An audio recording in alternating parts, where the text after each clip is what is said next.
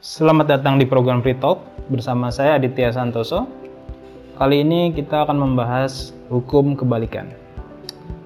Saya awali dengan sebuah kisah bahwa suatu ketika ada sebuah biji kurma yang tumbuh dari dalam tanah.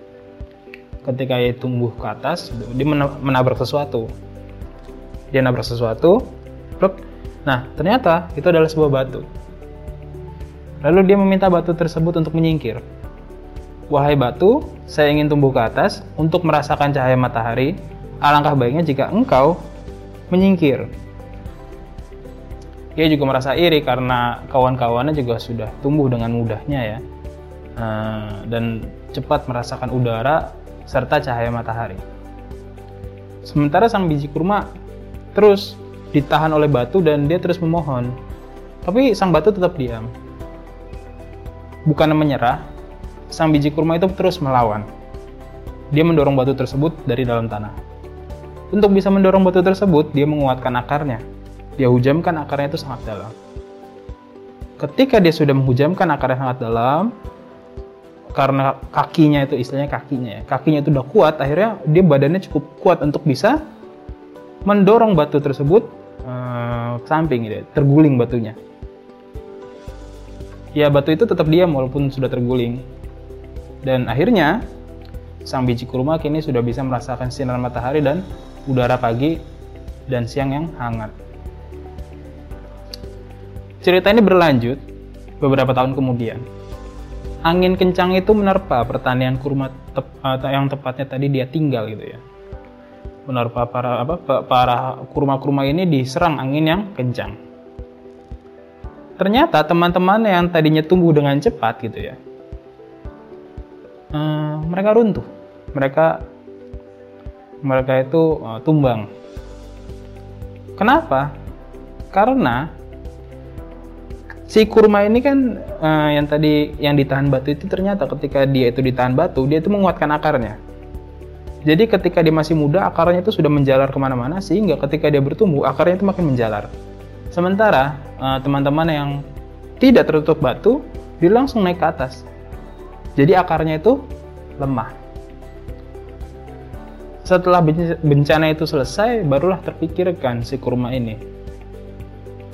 Ternyata begini ya nasib teman-temanku yang tumbuh duluan, yang tidak mengalami e, cobaan.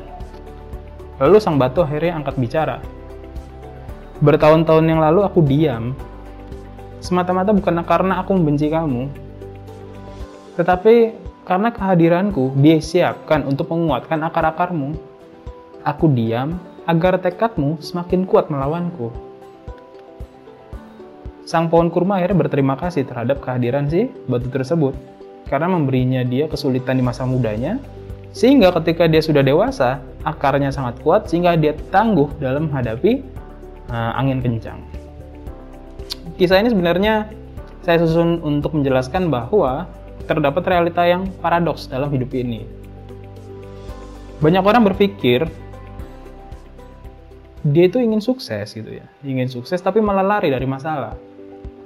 Padahal ketika dia lari dari masalah, dia juga lari dari jalan menuju kesuksesan. Di sini saya akan menjelaskan hukum kebalikan bahwa dalam hukum ini dijelaskan bahwa semakin kita lari dari penderitaan, semakin kita menderita. Tapi semakin kita mendekat pada penderitaan, semakin kita bahagia. Ini aneh memang. Tapi memang gitu kenyataannya, itulah hukum hukum alam, hukum sosial dalam kehidupan manusia. Sebenarnya hal ini sudah disampaikan puluhan ribuan tahun yang lalu. Mungkin kita lupa aja gitu. Lupa karena tidak diajarkan di dalam pendidikan kita. Kita diajarkan untuk bisa memahami matematika tapi tidak bisa memahami uh, kehidupan sosial. Nah, ini sangatlah disayangkan. Nah, ini saya tambahkan lagi dengan uh, dongeng mitologi yang mungkin ini ada benarnya juga ya. Jadi dongeng yang saya ceritakan ini mungkin sudah ratusan atau ribuan tahun yang lalu diceritakan oleh uh, nenek moyang bangsa-bangsa manusia.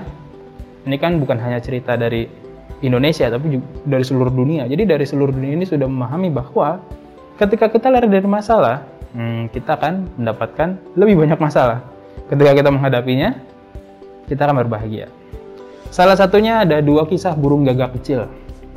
Mereka ini kurang beruntung karena induk mereka itu terbunuh oleh manusia sehingga mereka harus berduaan di dalam sarang dan bertahan hidup bersama-sama.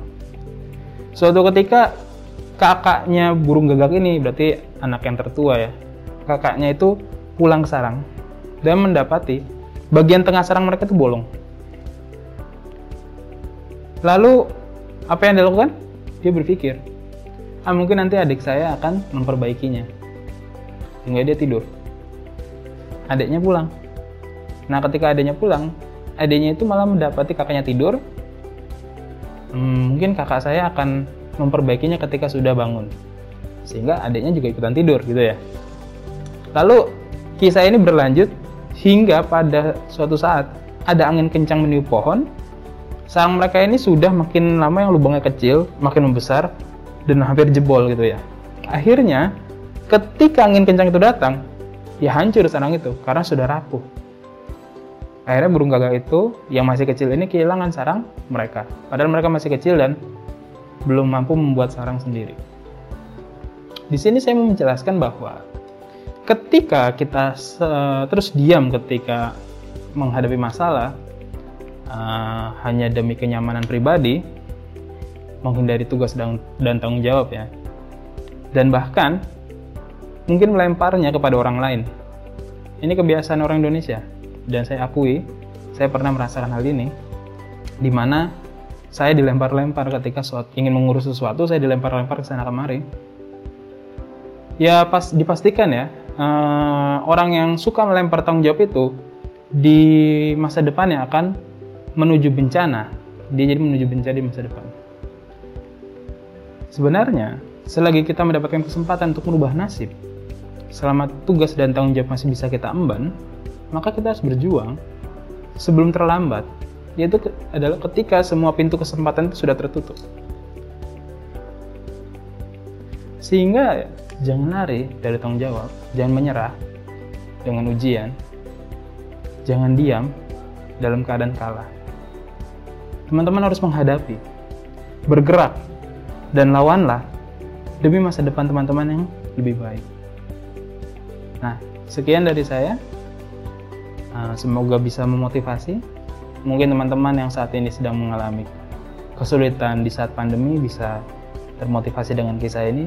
Mungkin pandemi ini adalah batu ujian kita agar kita bisa menguatkan akar-akar kita.